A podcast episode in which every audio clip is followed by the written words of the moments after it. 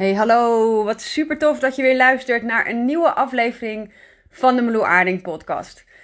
Ik heb zelf een beetje een hectische week achter de rug, um, waarvan ik net een beetje chronologisch probeerde te bedenken wat er allemaal gebeurd is. Um, gaat me niet helemaal lukken, maar ik wil je wel even meenemen in deze hectische week voor mij. Um, omdat ik denk dat je hier mogelijk in kan herkennen en ook gewoon om een stukje menselijkheid mee te geven dat dit soms gewoon even is hoe het loopt. Ik um, merkte van de week dat ik heel erg overliep. Ik was uh, aan het werk achter mijn computer. Uh, mijn zoon was thuis. Um, het was overigens geen werkdag, maar ik was even wat aan het doen. En er stond een poes naast mijn um, been te miauwen, non-stop. Dit resulteerde in dat mijn emmer volledig overliep. En ik op dat moment um, een soort van flipte. En ik vertelde, je hoort ook dat ik het een beetje lastig vind om dit te vertellen, omdat het niet iets is waar ik trots op ben, maar wel iets is wat gebeurd is. En ik dit ook gewoon wil schetsen. Als ik hem even samenvat, wat er gebeurde is dat mijn emmer waarschijnlijk al tegen het overlopen aanzat en dat het gemiauw van de kat net mijn druppel was die de emmer deed overlopen. Wat resulteerde, en we hebben hier naar de hand gelukkig om kunnen lachen met ons gezin, met mijn gezin. Maar dit resulteerde in dat ik snapte. Ik heb staan vloeken als een soort, nou, bezetene. Ik dacht alleen maar, die kat moet naar buiten, uit mijn huis. Ik wilde er ook echt naar buiten, nou, tieven. Het was niet eens meer naar buiten doen, maar ik dacht, kappen nou met je jou en wegwezen even. Um, en ik vertel het nu vrij normaal, maar dat ging echt een beetje viswijfachtig. Mijn zoon zat op de bank. Ik rende rond in mijn huis om die kat te grijpen en om naar buiten te gooien. Het was voor mij te veel om te kunnen handelen. En na het feit dat ik jou nu vertel dat een miauwende kat mij tot zoveel waanzin dreef, nou dan hoef ik je natuurlijk ook niet te vertellen dat mijn emmer misschien al iets te vol zat. En ik vond het heftig dat ik zo reageerde. Um, mijn zoon die verstijfde echt. Die heeft, nou, ik weet niet hoe lang daarna even niet tegen mij gesproken. Volgens mij dacht hij echt, ik denk dat ik nu beter mijn mond dicht kan houden. Dat is het allerveiligst. Hij is ook even naar boven gegaan. En nadat ik die kat naar buiten heb gegooid, barstte ik in huilen uit. En hoewel ik niet trots ben omdat dit gebeurd is, is dit ook gewoon menselijk. Uh, voorheen gebeurde dit veel vaker, kan ik je vertellen. Uh, maar het was voor mij ook een hele mooie boodschap. Want ik mocht echt even stil gaan staan bij wat ik nu eigenlijk voelde en hoe vol mijn emmer eigenlijk zat. En ook voor mij was het dus blijkbaar heel erg makkelijk om dat wel te voelen, maar toch ook weer door te willen gaan. En ik heb een bedrijf wat ik ontzettend leuk vind. Ik, ik vind het fantastisch om te doen wat ik mag doen. Um, om als coach andere mensen te helpen om meer aan het roer te staan van hun eigen leven. Het is, het is mijn passie, mijn alles. Ik vind het fantastisch. Maar daarnaast heb ik ook een gezinsleven en ik deel daar niet heel erg vaak over. Maar het speelt wel. Ik heb, um, ik zit even te denken wat ik wel en niet wil vertellen. Wij hebben gewoon eigenlijk al jarenlang een situatie hier thuis die intensief is. Uh, om hem even heel specifiek te maken, onze zoon is deze maand al twee jaar lang um, grotendeels thuis. Nou, dat noemen ze een thuisblijver of een bijna thuisblijver. Hij gaat uh, ongeveer 9 uur per week naar school, drie keer drie uur. Is met periodes ook volledig thuis geweest, is ook met periodes wel eens 20 uur per week naar school geweest, maar nooit de volle bak. Ik hoef je natuurlijk niet uit te leggen dat dat hartstikke intensief is. Voor die twee jaar was mijn dochter degene die thuis was. Dus nu is het onze zoon, daarvoor was het onze dochter. Dan moet ik daar misschien even bij vertellen dat wij twee nou, prachtige kinderen hebben, maar die zijn beide hoogbegaafd en heel erg sensitief. En hebben helaas uh, op hun eerste school iets heel erg heftigs meegemaakt. Waar ik niet over uit ga wijden, want dat ga ik, voelt voor mij gewoon niet oké om te delen.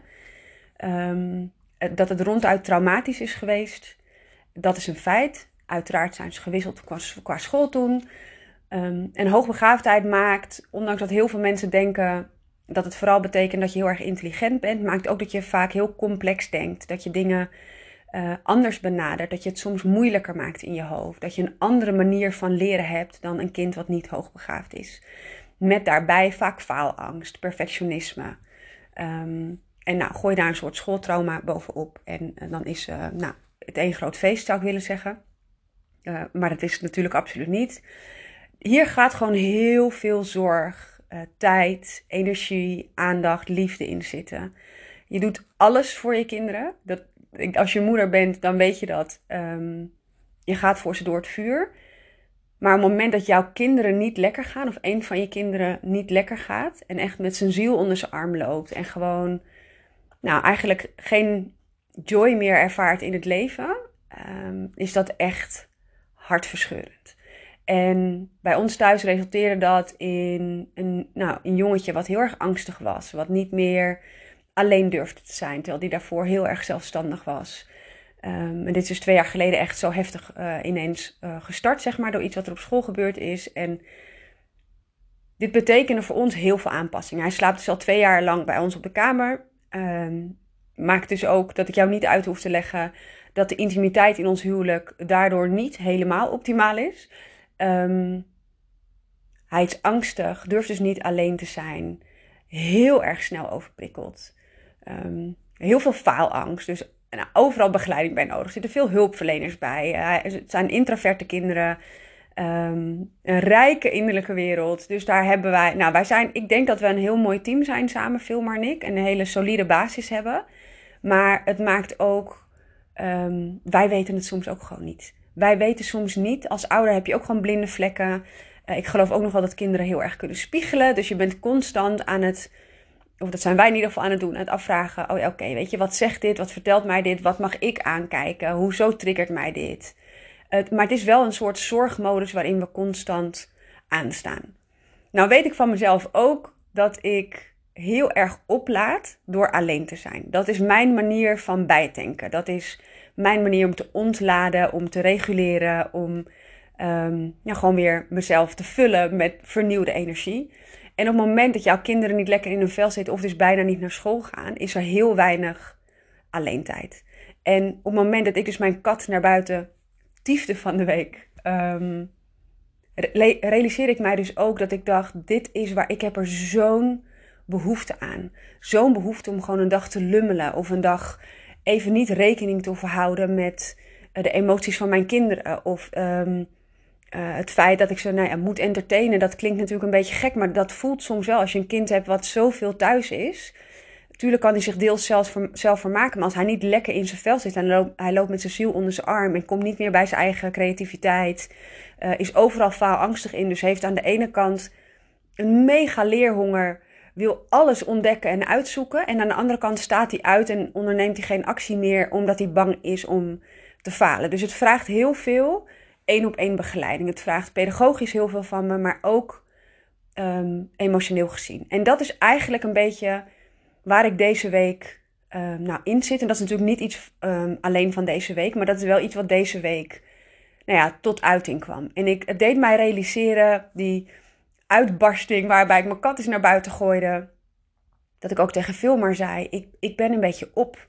En ik merk dat alles wat er op mijn bordje ligt, ik geloof altijd heel erg dat je heel veel dingen mag doen die je energie kosten. Dat is helemaal oké, mits daar genoeg hersteltijd tegenover staat. Er is natuurlijk ook een hele grote reden waarom ik mijn zelfzorg zo belangrijk maak. Dat heeft zeker te maken met mijn uh, gezondheid, maar dus ook zeker met mijn thuissituatie. En dat maakt dus dat ik iedere ochtend tijd voor mezelf neem het liefst nog voordat de kinderen wakker worden en anders doe ik het als ik de hond uitlaat. Om eventjes bij mezelf in te checken en in te tunen en te voelen wat ik nodig heb. En nou, mijn hele riedeltje te doen van wat ik belangrijk vind met bepaalde affirmaties. En waar ik mijn systeem mee wil vullen. Dat ik bewuste keuzes maak in mijn energie. Maar ook ik loop dus soms gewoon even over. Er is al langdurig te veel op het bordje van dingen die mij energie kosten.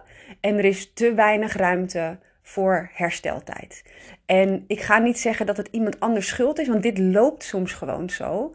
En het maakt wel voor mij dat ik dus heel erg sterk mag gaan voelen. Wat heb ik nu nodig uh, op dit moment in mijn leven? Waarom komt dit nu tot uiting? Uh, ik merk het zelfs aan mijn hele lichaam. Ik werd van de week wakker met enorme nekpijn.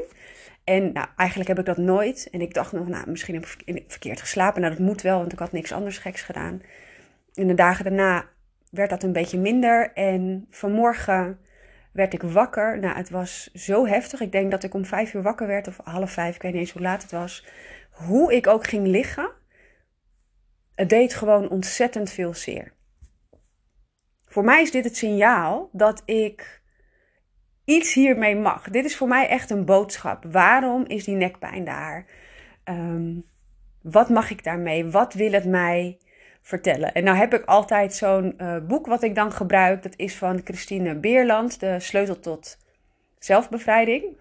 Op het moment dat ik dat uitspreek, moet ik altijd opletten dat ik het niet verkeerd zeg. Want ik wil dus altijd zeggen de sleutel tot zelfbevrediging. Nou, dat is het dus absoluut niet. Maar iedere keer dat ik dit boek uitspreek, nou, is dit wat er door mijn hoofd heen gaat.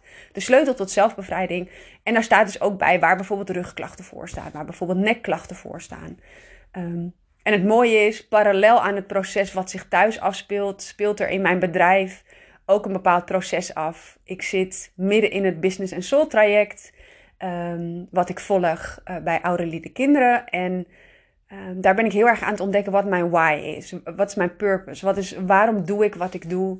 En je, het zal je niet verbazen dat mijn kinderen niet zomaar hoogbegaafd zijn, maar dat ook mijn hoofd af en toe veel complexer denkt dan dat misschien nodig is.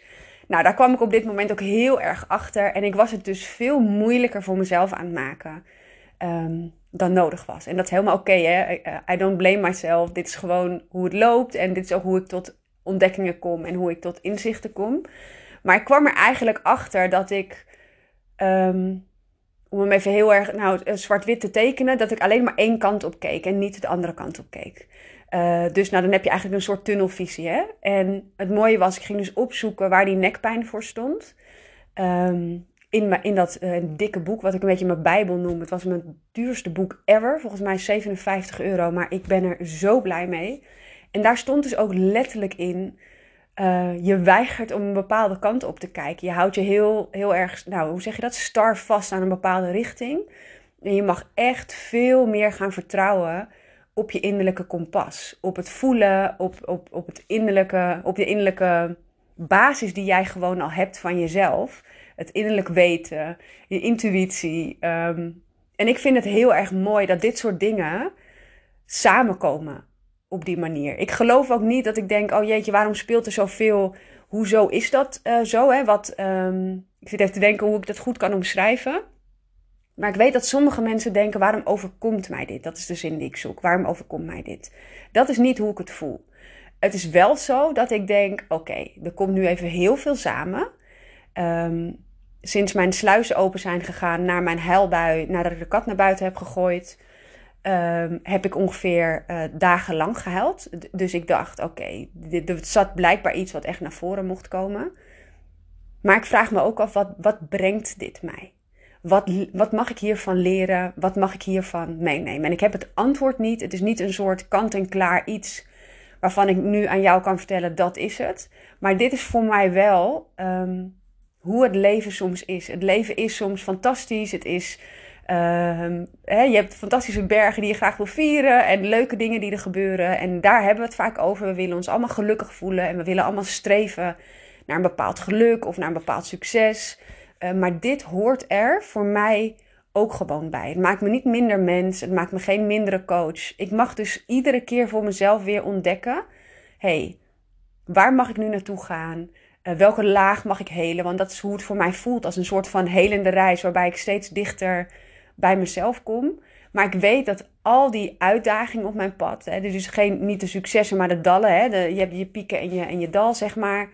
Ehm, wat komt dat mij brengen? En ik weet iedere keer dat het me weer verder vooruit helpt. Dus het voelt even intensief. Ik voelde ook ontzettend dat ik even naar binnen mocht keren. En ik heb social media even een paar dagen lekker losgelaten. en ik vind social media super leuk om te doen. Maar als ik voel dat het niet stroomt, of dat ik voel dat mijn aandacht echt even naar mij toe mag gaan en naar de processen die bij mij spelen, dan laat ik dat met gemak los. Ik, ik voelde dat ik dingen op mocht gaan schrijven voor mezelf, dat ik uh, mocht gaan praten. En, en ik merk gewoon, want ik, dacht, ik dacht ook, wat boeiend dat dit voor mij nu zo ja, geëscaleerd is met die kat, die, dus ehm, nou, dat stukje bij mij heeft losgelaten, uh, losgemaakt.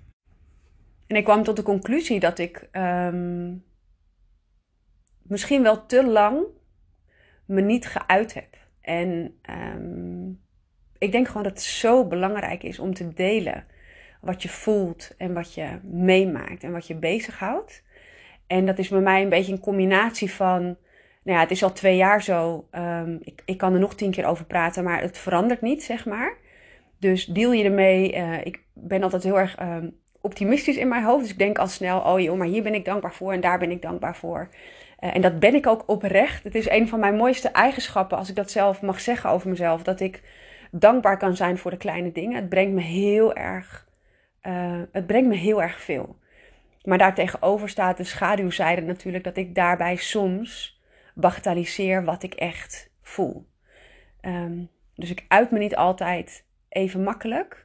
Um, en ik merk dat, en dat is ook een van de dingen die ik eerder in een podcast heb gedeeld, dat ik soms niet zo goed weet met wie ik dit wel en niet kan delen. Omdat je, als jij iets meemaakt in jouw leven, um, kan een ander het proberen te begrijpen, maar als ze niet in jouw schoenen lopen, is het zo anders. En dat maakt dat ik ook wel eens in het verleden heb gehad dat ik dacht: oh, laat maar, je, je, je snapt het niet. Of um, we spreken niet dezelfde taal. Of ik probeer het uit te leggen, maar ik kom niet bij mijn woorden. Maar dat heeft dus geresulteerd, merkte ik dus nu, dat ik heel lang mijn mond heb gehouden. Terwijl er wel van alles in mijn, in mijn binnenwereld uh, speelt. En het is zo makkelijk als het niet goed gaat met jouw kinderen om daar helemaal in te storten en om je daar um, nou, om, nou, over te ontfermen. Alsof, ik zie het bijna voor me alsof ik mijn armen om me heen sla en zeg: Kom maar, hier ben je veilig. En um, dat wil ik ook. En um, ik heb dat ook gedaan. En ik realiseer me, en dat, dat weet ik al super lang, maar soms ineens wordt dat natuurlijk hartstikke duidelijk door iets waar je middenin zit. Dat ik vooral heel goed voor mezelf mag blijven zorgen. Dus ik denk dat dat de uitnodiging is die ik nu uh, die ik nu nou, voorgeschoteld krijg.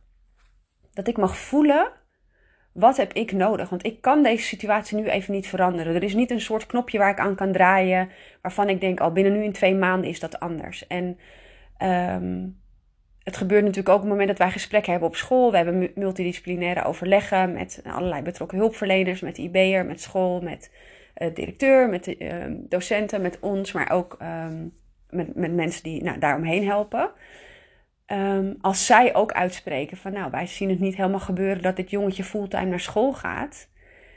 Ja, is dat wel even iets wat aangewakkerd wordt. Dus ondanks dat ik heel lang dacht, oh, het komt goed, het, eh, het, het zal wel uh, die kant op gaan. Voelde ik denk ik voor het eerst sinds een paar weken de ruimte om. Nee, ik zeg het niet goed.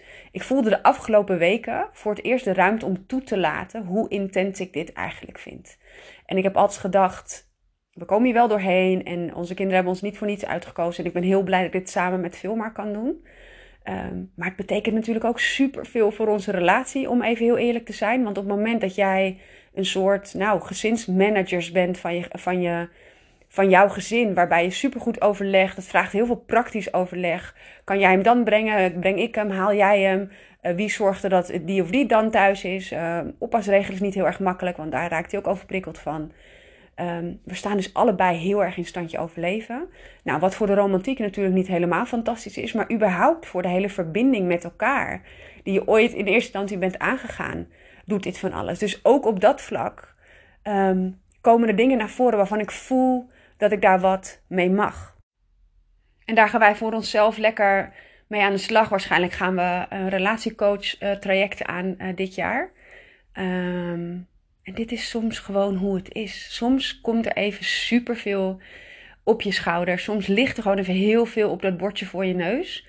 En raak je overweldigd of weet je het even niet meer. Of voel je dat je allerlei processen aan mag kijken. En dat is waar ik op dit moment um, zelf mee aan de slag ben geweest en nog steeds ben.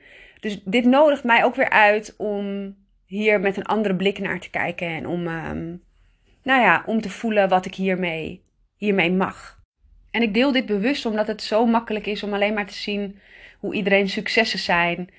Um, maar dit, dit hoor je zo weinig. Ik heb zo lang zelf gedacht dat ik raar was als ik even overhoop lag met mezelf. Of ik vond mezelf raar dat ik schommelde qua emoties. Dat ik de ene dag nou, me een soort van on top of the world voelde. En de andere dag dacht ik, fuck my life, ik weet het niet meer. Ehm, dit is gewoon, dit is het leven. En ehm, ik wil heel graag, ik ga je zo nog even wat meer vertellen over over hoe ik mijn bedrijf run. Uh, als er zoveel speelt in je leven. Maar ik wil heel graag een gedicht met jou delen wat ik, um, nou, ik denk al een paar jaar geleden heb geschreven. Maar wat voor mij heel erg passend voelt in dit verhaal. Komt-ie. Het echte leven bevat rimpels, putten, rollen en vet. Puisten, wallen en ingegroeide haren, ook scheten en boeren, tot en met. Het bevat allerlei emoties, de diepste klotendalen die je maar kent. Angst, pijn en depressies, soms zo erg dat je niet meer weet wie je bent. Het echte leven is fantastisch en soms ook net zo kut. Van buikpijn van het lachen en dankbaarheid tot soms heel diep in de put. Het echte leven bevat ruzies. Familiebanden doen soms pijn. Mensen komen en gaan op je pad. Tussen haat en liefde zit een dunne lijn. Afwijzing en teleurstelling, bang om niet goed genoeg te zijn. Maar allerliefste unieke jij, ik omarm je kwetsbaarheid, je bent juist daarom zo fijn. Het liefst zie ik je in al je kwetsbaarheid. Ik weet het soms namelijk ook niet meer. Maar achter angst en wanhoop zit een enorme kracht. Dat is wat ik iedere keer weer leer. Wat fijn dat jij ook mens bent, met al je ongemakken en je disbalans. Ups en downs maken jou jou. En ik zou je voor geen goud willen ruilen. Ik hou van jou. Ik hou van jou op je gefilterde foto's, je huid stralend en je lippen extra rood. Ik hou van jou zonder make-up, met betraande ogen, waarin de last die je draagt zo zwaar voelt als lood. Ik wil jou zeggen, lief mooi wezen, wat ben je mooi, ongekend. Je hoeft niet dunner, stabieler of perfecter. Je bent precies goed zoals je bent. En voor mij is het gedicht wat ik niet vaak genoeg kan voelen, wat ik niet vaak genoeg uit kan spreken of kan delen. We denken zo vaak dat we niet goed genoeg zijn als er dus iets in ons leven is wat niet lekker loopt. Ehm, ik ken bijna niemand bij wie het altijd lekker loopt. En dat vind ik altijd heerlijk om te horen, omdat ik gewoon weet dat dit het leven is. Soms zie je het, overzie je het even niet meer, soms overweldigt het je eventjes. En ik heb afgelopen dagen enorm veel gehuild. Ehm, en voor mij voelt het ook weer helemaal oké. Het mocht er blijkbaar uit. Ik mocht er ruimte voor maken. Ik voel ook altijd, hè, uh, als je denkt over emotion, dat is energy in motion. Hè, dus uh, energie in beweging. Op het moment dat ik het toelaat en daar ruimte voor maak en echt even vrij, tijd vrij maak voor mijn processen, voel ik zelf ook weer dat het opruimt en dat het heelt en dat er daardoor weer andere dingen op hun plek vallen. Dus je bent niet instabiel of je bent niet. Ehm, je, je bent gewoon oké. ook als je dit soort momenten hebt. En misschien is het wel heel erg mooi om even te delen dat. Ik heb natuurlijk mijn eigen onderneming. Ik uh, werk nu twee jaar voor mezelf. En op de dag dat ik mij inschreef bij de Kamer van, Koophandel, uh, de Kamer van Koophandel, uh, kreeg mijn moeder een hartinfarct. Letterlijk op die dag was op 6 maart, uh, twee jaar geleden. Um, nou, dat was ook een beetje de periode dat corona natuurlijk begon. Wat, wat ik bijna vergeet, maar hoe intensief die fase eigenlijk is. Maar goed, daar kunnen we heel lang of kort over praten. Dat, uh, dat is denk ik wel helder. En daarnaast heb ik natuurlijk gewoon privé ook mijn uitdagingen met uh, familieomstandigheden. Um, nou, in dit geval met de zorgen rondom mijn kinderen. En zo heeft iedereen nou ja, genoeg op zijn bordje om nou ja, om mee te dealen, laten we dat maar zeggen. En ik krijg wel eens de vraag, ja, maar er speelt nu zoveel in mijn leven. Kan ik dan wel voor mezelf beginnen? Of hoe combineer ik dat met mijn bedrijf? Of... Maar dit is gewoon hoe het is. Er is. Als wij zeg maar gaan wachten op een soort perfect moment. En ik schets nu het voorbeeld van een bedrijf, maar dit hoor je natuurlijk ook wel eens dat mensen zeggen: nee, maar ik wil nog niet aan kinderen beginnen, want ik wil wachten totdat, nou ja, puntje, puntje, puntje. Of um, ik wil pas ehm, een huis kopen als puntje, puntje, puntje. Het is zo vaak dat wij wachten op een soort perfect moment waarin de situatie en alle omstandigheden um, rooskleurig zijn om dus ergens vol voor te kunnen gaan. En dat moment gaat niet komen. En voor mij is dat de afgelopen twee jaar in mijn bedrijf al heel erg helder geweest. Maar dit geldt natuurlijk in zoveel dingen in het leven. Dat perfecte moment is er niet, komt er niet. Het nodigt mij juist heel erg uit om super goed te blijven voelen. In mijn voorbeeld nu, hè, rondom hoe ik mijn bedrijf run als er dus privé veel speelt. Um, wat ik nodig heb. Wat ik als mens nodig heb om rechtop te blijven staan. Uh, wat ik kan doen om mezelf te voeden en om mijn eigen energie weer bij te tanken. Wat gelukkig heel vaak hartstikke goed gaat. Maar ook ik heb dus nu een periode, als ik terugkijk, dat ik dus uh, over mijn grenzen heen ben gegaan. En dit is wat het is. Het is met vallen en opstaan. Het is ontdekken. En soms ga je linksaf en ontdek je dat je eigenlijk rechtsaf had moeten gaan. Um, heb ik ook. Dus dit is gewoon hoe het werkt. En voor mij speelt het ook echt wel mee dat ik um, heel erg dankbaar ben dat ik mijn bedrijf heb. Want ik ken mezelf een beetje als ik geen werk had gehad. Hè, want voordat ik startte voor mezelf, was ik natuurlijk afgekeurd, heb ik een aantal jaar niet gewerkt. Als de zorg rondom mijn zoon hadden gespeeld op een moment dat ik gewoon zeven dagen per week thuis was en fulltime beschikbaar was als moeder, was ik er zelf aan onderdoor gegaan. Dat weet ik van mezelf, omdat ik, ik kan me daar echt, ik kan daarin verdrinken. Ik kan dat helemaal, nou ja, opslokken of ik kan dan niet meer uitzoomen. Ik heb tijd nodig om uit te zoomen. En mijn bedrijf helpt me in deze situatie om heel erg uit te zoomen, omdat hetgeen wat ik doe als coach vult mijn hart zo erg dat dat een hele mooie tegenhanger is voor alles wat er verder speelt. Dus ik, ik hou ervan om met mijn werk bezig te zijn. Ik hou ervan om te doen waar ik blij van word. Waarvan mijn hart sneller gaat kloppen. Waarvan ik uh, nou ja, twinkeling in mijn ogen krijg. En waarvan ik gewoon als ik mijn bed uitkom denk: yes, ik mag vandaag weer werken. Dat is natuurlijk wel een heel ander gevoel. Dit had ik voordat ik ziek werd, was ik gewoon in dienst. Uh, als uh, kinderverpleegkundige had ik dit niet. Ben ik heel erg eerlijk in. Dus dat maakt, dat, dit, dit is lang niet voor iedereen deze situatie. Maar dit maakt voor mij wel dat het dus um, te doen is. En er zijn ook, natuurlijk heb ik ook wel eens de gedachte gehad dat ik dacht, ja jeetje, hoe kan ik succesvol zijn als er privé zoveel speelt? En um, gaat dat dan wel lukken? En het mooie was, ik las vanmorgen een boek uh, van uh, Jen Sincero. En het boek heet uh, You're a Badass at Making Money. Ik vind het een super tof boek om te lezen. En, maar er stond een zin in die ik graag even met jou wil delen, die bij mij zo raakte. Succes heeft niets te maken met je huidige omstandigheden, maar met wie je wilt worden en waar je naartoe wil. Ik zal hem nog één keer voorlezen. Succes heeft niets te maken met je huidige omstandigheden, maar met wie je wilt worden en waar je naartoe wil. En ik vond dit zo'n mooie zin en ik hoop ook dat jij hem meeneemt. Het maakt niet uit waar jij nu staat. Wat voor omstandigheden jij je, uh, in wat voor omstandigheden jij je bevindt. Hoe hectisch het ook voelt. Uh, ik moet zelf heel erg denken aan een periode dat ik super ziek was.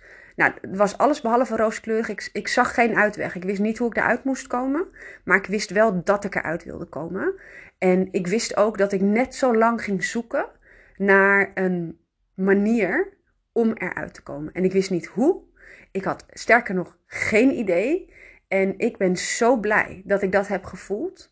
Dus het gaat er niet om wat er om je heen gebeurt. Uh, ik heb geen invloed op mijn moeder die een hartinfarct heeft of wat er nu met mijn kinderen speelt.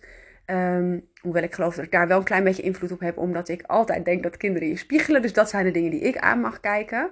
Maar er gebeuren dingen in jouw leven um, die intens zijn. Maar het hoeft geen invloed te hebben op jouw succes in het leven. En dan heb ik het echt niet alleen over het zakelijke succes, maar ook in hoe jij uh, je voelt. Dus ik hoop nou, dat je uit deze podcast meeneemt dat dit dus soms gewoon gebeurt. Dat je soms overweldigd raakt, het soms gewoon even niet meer weet. En dat dat helemaal oké is. En dat je omstandigheden dus niet bepalend zijn voor jouw uh, richting. Probeer, te, probeer je vooral te connecten met het stukje waar jij naartoe wil. En voor mij is de kracht van het universum daarin super groot. Dat is, dat is mij, nou misschien is dat wel hetgene waar ik het meest mee communiceer. dat is waar ik naar uitspreek, waar ik naartoe wil. En ik geloof dat ik, waar ik ook ben, dat ik altijd gedragen word door het universum. En ik weet soms niet hoe. Ik weet soms ook niet uh, welke stappen. En dat wil ik natuurlijk wel weten, maar dat, ja, zo werkt het gewoon niet. Maar ik wil wel focussen op, ik wil hier vandaan en ik wil daar naartoe. En help me hier alsjeblieft bij. Dus neem het mee voor jezelf. En voel wat alle omstandigheden in jouw leven je jou willen vertellen, wat je hiermee mag. En sorry, ik was heel even afgeleid. Um, het leek alsof mijn telefoon uitviel. En vergeet vooral, dit is ook een noot to myself, maar ook voor jou, om jezelf, het, vergeet niet om jezelf het aller, allerbelangrijkste te maken. Want als ik hem even naar mijn situatie vertaal, mijn kinderen hebben niks aan mij. Helemaal niks als ik omval. Uh, er is niemand bij gebaat. Dus hoe intens alles om je heen ook is, ik hoop dat je vooral voelt wat jij nodig hebt. Uh, hoe je jezelf mag voeden. Voor mij is dit even weer een extra reminder om dat de aankomende tijd next level voor mezelf te doen. Um, en neem hem ook mee voor jou als hij passend voelt. Ik wil je super bedanken voor het luisteren. Ik vind het altijd super tof om iets van je te horen. Je mag me altijd een DM sturen op Instagram onder Aarding. En ik, uh, je hoort mij in de volgende podcast.